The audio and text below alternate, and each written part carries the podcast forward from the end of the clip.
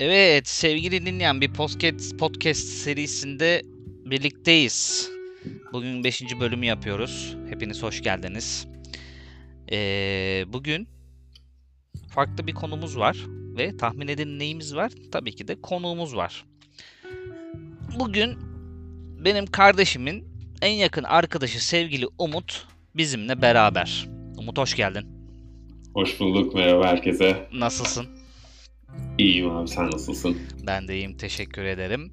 Ee, Umut'u bugün konuk etmemin sebebi okuduğu bölümle ilgili konuşacağız. Yani bugün e, mühendislik konuşacağız arkadaşlar. Yani bu biz Umut'un okuduğu bölüm bilişim sistemleri mühendisliği. Bir de biliyorsunuz bilgisayar mühendisliği var. Yani asıl bunların arasındaki temel farklar çok karıştırılıyor. Araştırmalarım da bunu gördüm. O yüzden bunu konuşacağız. Umut hazır mısın? Başlayalım mı? Aha, hazırım hazırım başlayalım. Şimdi Umut bilişim sistemleri mühendisliği nedir abi? Anlat bize. Abi, bilişim sistemleri mühendisliği adı üstünde bilişim alanında eğitim veren 4 yıllık bir lisans programı. Mühendislik lisans programı. Tamam. Ee, içinde e, bilgisayar alanında, yazılım alanında dersler var. E, donanım alanında dersler var. Mühendislik dersleri var. İşte bu diferansiyel denklemler dediğimiz dersler. Hı hı. Ee, gene gene temel mühendislik dersleri olan işte elektrik dersleri de var. Hı hı. Ee, Bir lisans programı. Böyle kısaca özetleyebiliriz. Anladım.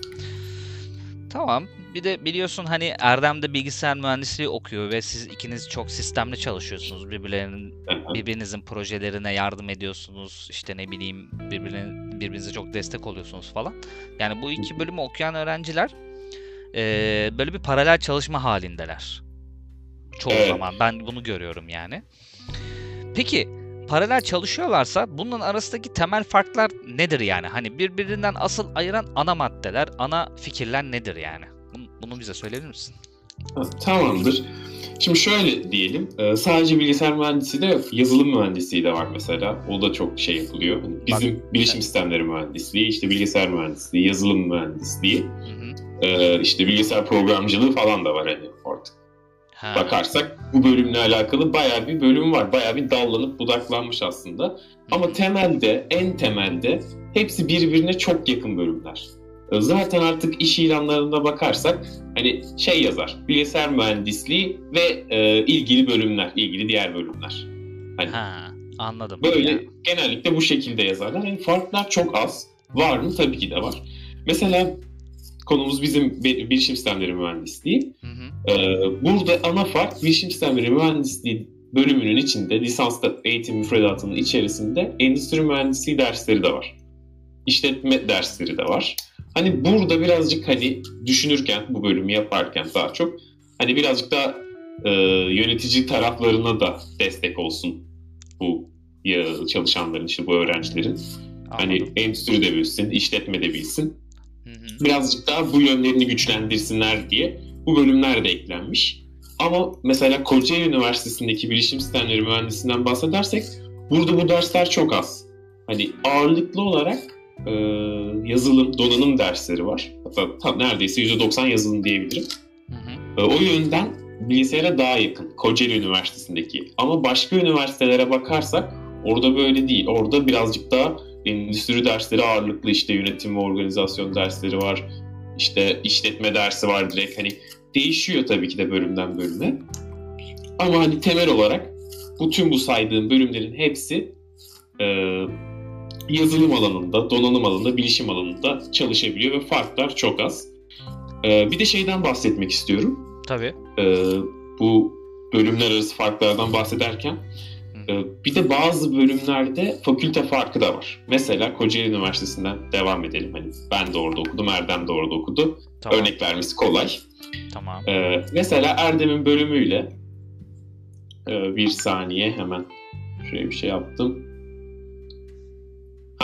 Tamamdır. Erdem'in bölümü mühendislik fakültesinde, benim bölümüm teknoloji fakültesinde. Bu fakültenin arasındaki en büyük fark teknoloji fakültesinde okuyan öğrenciler son sınıflarının bir dönemini uzun dönem staj yapmak zorunda. Ha, Yani e, üç buçuk yıl akademik eğitim, yarım yıl e, pratik eğitim hani direkt iş yerinde eğitim alıyorlar. Hani iş yerinde mühendislik eğitimi diye geçiyor bu zaten. Ee, en büyük fark bu. Bir alt farka geçiyorum. Ee, teknoloji fakültesindeki öğrenciler birazcık daha erken e, seçmeli derslerini seçebiliyor. Bir sınıf daha yani biz ikinci sınıfta seçmeli derslerimizi seçmeye başladık. Yani diyeceğim o ki e, mühendislik fakültesinde teorik eğitim daha fazla. Buradan dinleyicilere hani yaşı genç olanlar ya da daha sonradan okumak isteyenlere siz akademisyen olmak istiyorsanız ya da akademide çok ilerlemek istiyorsanız e, bilgisayar mühendisliğini tavsiye etmek, kazanmak daha mantıklı olabilir. Orayı tercih etmek daha mantıklı olabilir. Hani bu demek değil ki bilişim sistemleri mühendisliğinde bu işlemleri yapamaz mıyız? Hani akademisyen olamaz mısınız? Olursunuz. Ama e, bilgisayar mühendisliğinde daha teorik dersler var. Ve e, bu camianın olmazsa olmaz dersleri var. Hani Anladım. o derslerden birkaçı bizim bölümde yok. Ha, sizinki Ee, biraz böyle- daha böyle uygulamaya kaçıyor yani. Uygulama ağırlıklı Aynen. bir şey aynen yani. öyle. Hani te- teori teo- teoriyi mesela atıyorum %70'i teori ise %30'da uygulaması var mesela.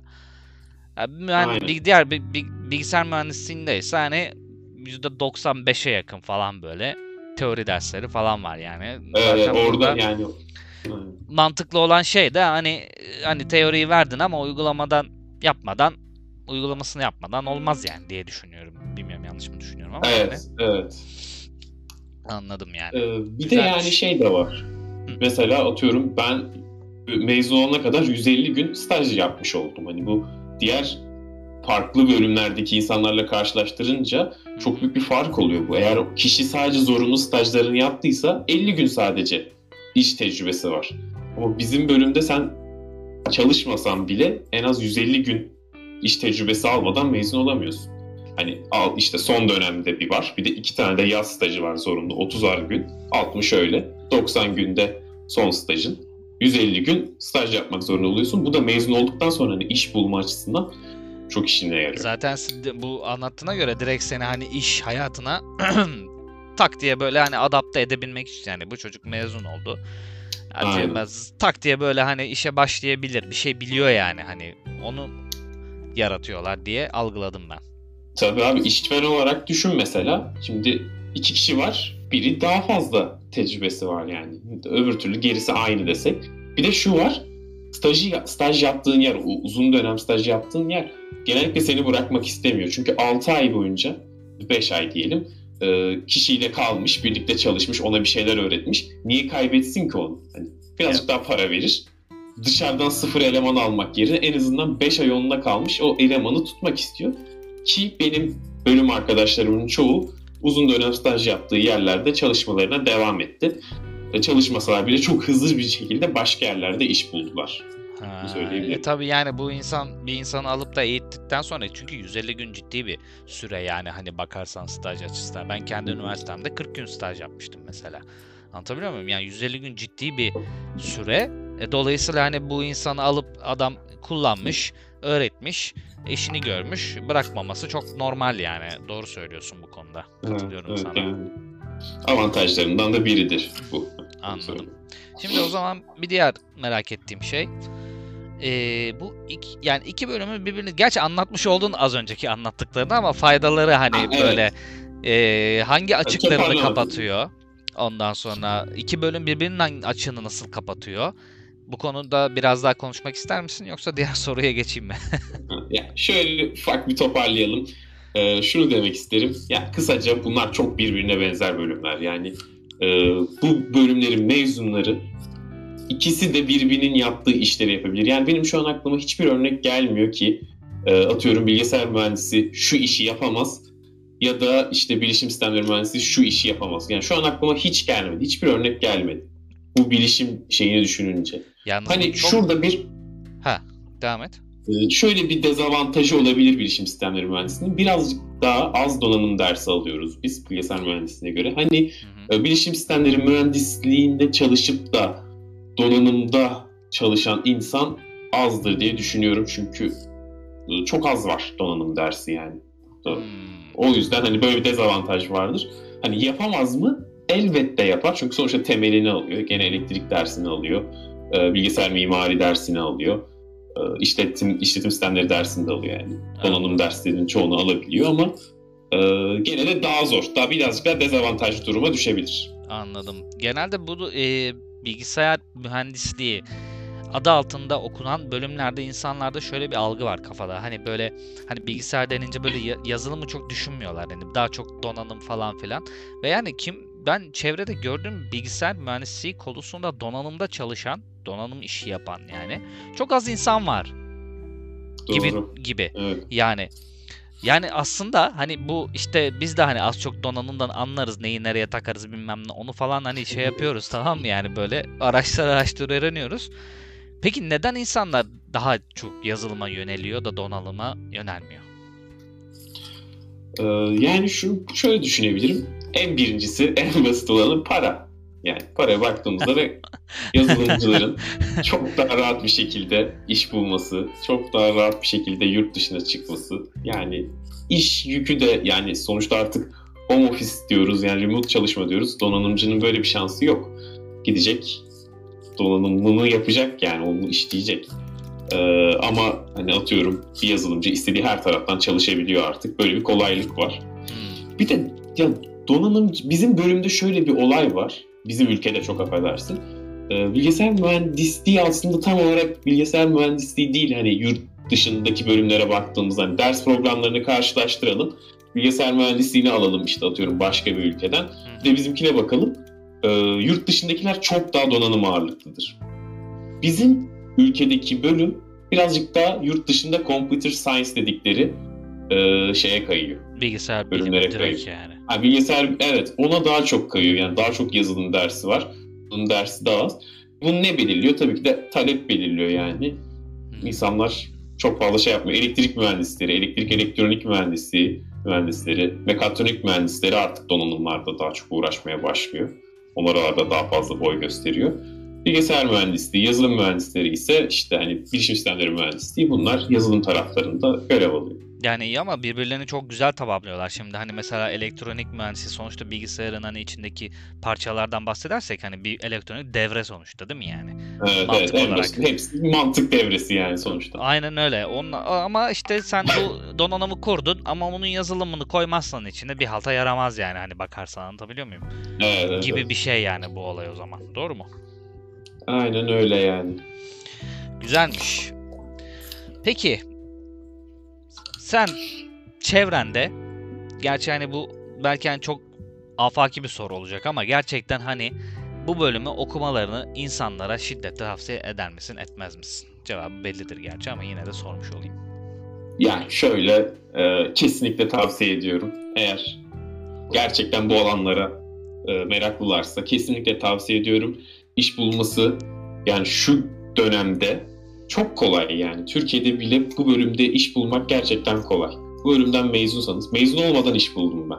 Çoğu arkadaşım mezun olmadan iş buldu. Erdem de öyle. Ee, Erdem de öyle aynen. Yani yazılım alanını genellikle tavsiye ederim zaten de. Bilişim sistemleri mühendisliğini ayrıca tavsiye etmemin nedeni hani dediğim gibi e, bu staj tecrübesi çok büyük bir fark yani siz okuduğunuz aynı e, dönemde okuduğunuz arkadaşlarınıza göre çok daha avantajlı olacaksınız. Yani bunlar da staj yapmadan siz çoktan stajınızı yapmış olacaksınız. Yani çoğu üniversitede 3. sınıfta ilk stajını yapıyor insanlar. Tabii yani ben üniversiteden üniversiteye değişiyor.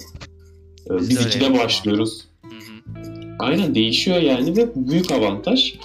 Ee, ben kesinlikle öneriyorum. Yani teknoloji fakültesinde olup bilişim sistemleri mühendisliği okumak isteyenler e, çok avantajlı olacaklardır buna eminim. Ee, hele hele yazılım sektörüne çok meraklılarsa kesinlikle tavsiye ediyorum yani. Tamam, güzel. Tavsiyelerin için çok sağ ol. Eğer dinleyen varsa ben de okumadım ama tavsiye ediyorum. Bu anlattıklarından sonra yani ben bile ikna oldum yani. evet. O zaman peki bölümün ders olarak yani bölümün dersleri olarak e, zorluklarından biraz bahseder misin bize? Yani ne kadar zor, ne kadar kolay, hangi dersler zor, hangi dersler kolay, nasıl ilerliyor işleyiş? Anladım, tamamdır. Aslında burada yani birazcık daha dürüst olmak gerekirse bence bölüm çok zor değildi. Derslerin çoğu aslında e, kolay verilebilecekti. En azından bizim bölümde yani bizim okulda bu şekildeydi. Kocaeli Üniversitesi'nden bahsediyorum şu an. Hı hı. Genel olarak farklı üniversiteden üniversiteye değişir bu tabii sen de bileceğin üzere. Hani tabii, tabii. Hocadan hocaya. Şeyden şey hani var mıydı? Hani bazı hocalar vardı çok aşırı zor yapardı. Daha aşırı proje, zor projeler verirdi. Ama hani genel olarak bahsetmek gerekirse en zorlandığım derslerden biri e, bilgisayar mimari organizasyonuydu. BOM diyoruz, BMO diyoruz. Bu bilgisayar okuyan, yazılım okuyan çoğu kişi bilir bunları. En zorlandığım derslerden biriydi. Biraz ezber bir ders. Birazcık da mantığı da oturtmak gerekiyor. Bir de e, aklımda kalan en zor derslerden biri de şey mobil uygulama geliştirme dersi.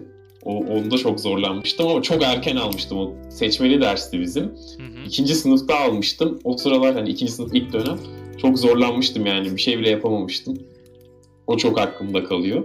Ee, gene zorunlu derslerden ilerlemek gerekirse e, zorlandığım zorunlu derslerden biri de şey diyebilirim. E, işletim sistemleri dersi de zordu. Ama Ha. e, birazcık daha şey hani çalışıp geçmiştim onu. En azından bilgisayar mimari organizasyonu gibi kalmadım yani o dersten. Yani sen diyorsun ki şey yani hani çalış çalış çalışmadan geçmek yok. Çalışınca Evet. oluyor kısaca Yani yani. çalışınca oluyor, Mantık aynen olarak. Bizim bölümde Kocaeli'de bir tık daha kolay onu yapmak. Hani bizim bölüm çerçevesinde konuşuyorum. Yani Kocaeli'de Ha. daha zor bölümler vardır. Ama bizim bölümde hocalar birazcık daha hani şey rahatlar. Hani önemli olanın öğretmek olduğunu farkındalar açıkçası. Çok zorlamıyorlar ve proje ağırlıklı oluyor genellikle. Hele hele benim okuduğum dönemin birkaç tanesi birkaç dönem pandemi nedeniyle uzaktan olunca hani bizimkiler sınav yapmadı. Full proje verdiler ki kopyayı azaltsınlar. Kopya yapmayalım.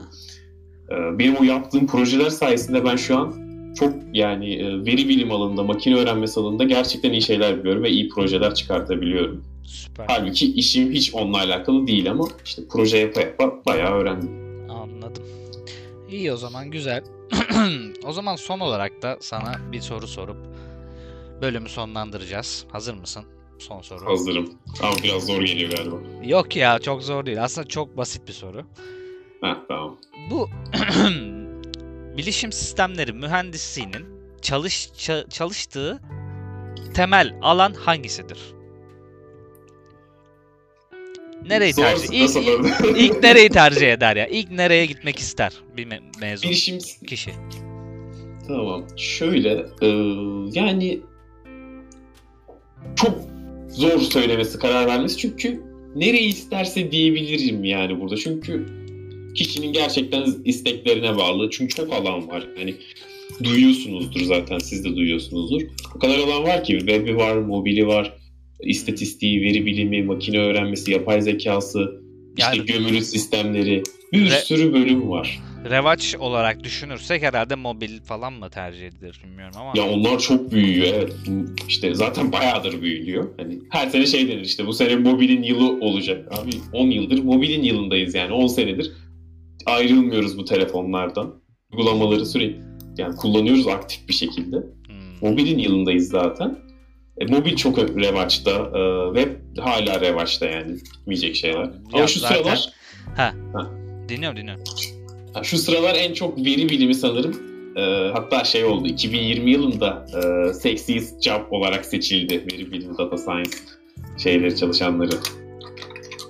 Öyle bir Times tarafından şu an atmış olabilirim bu arada. Yani sen Bunu- şimdi zaten bu şey olarak hani bu bilgisayar bilişim olayı zaten teknoloji çağına iyice devrildiğimiz için hiç bitmeyecek bir alan. Yani her zaman revaçta olacak bir alan ya da öyle diyeyim. O yüzden hani herhalde insanların tercih yapması tatlı bir zorluk getirecek diye düşünüyorum mezun kişilere o zaman. Doğru mu? yani İstediği yere gidebilir fazla- sonuçta yani. evet evet evet yani şey sürekli artacak burası. Buradaki sektör büyümeye devam edecek. Hani mezun olanlar şeye korkmasınlar yani işte herkes tercih edecek ben iş bulamayacağım diye korkmasına gerek yok. Sektör büyüyor yani. Ve büyük ihtimalle bulacaksın işini. Yani. Hiçbir şey yapmadıysan bulamazsın tabii ama yani az buz bir şey yazdıysan bulursun. Anladım. O zaman Umut'cum ender görüşlerin için çok teşekkür ederiz. Bizi çok güzel aydınlattın. Çok teşekkür ederim ben de. Çok Gel. davet ettiğin için. Rica ederim ne demek Eğlenceliydi yani. gerçekten. Konuşmak iyi geldi. Zaten bu son değil. Daha çok davet edeceğim sizi. Daha çok gelip gideceksiniz. Ee, dinleyenlere söylemek istediğim bir şey var mı? Küfür dışında. Ee, e, Podcast'ı paylaşsınlar tabii ki de. Ee, Aynen, Merakları vardır. Kesinlikle vardır. Torununuz, çoluğunuz, çocuğunuz, çoluğunuzun işte arkadaşınızın çocuğu, eşi falan hani meraklılarına paylaşın, bilgilensin çocuklar. Ona göre tercihlerini yapsın. Ya da ne bileyim son anda 35 yaşında insan artık bir anda bir kariyer değişikliği yapası gelmiştir. Ona da atın. Görsün, dinlesin, Olabilir tabii. Aynen öyle. Olabilir tabii. Neden olmasın? Arkadaşlar ben yapmıyorum böyle bir şey. Yanlış anlaşılmasın. Umut'cum geldiğin için çok teşekkür ederim. Çok sağ ol. Ben de teşekkür ederim. Kendine iyi bak. Öpüyorum seni.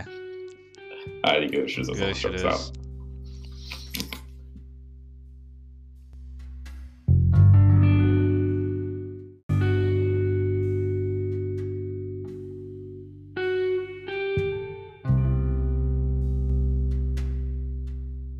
Arkadaşlar dinlediğiniz için çok teşekkür ederiz. Bir sonraki podcast bölümünde görüşmek üzere. Hepinizi seviyorum. Kendinize çok iyi bakın.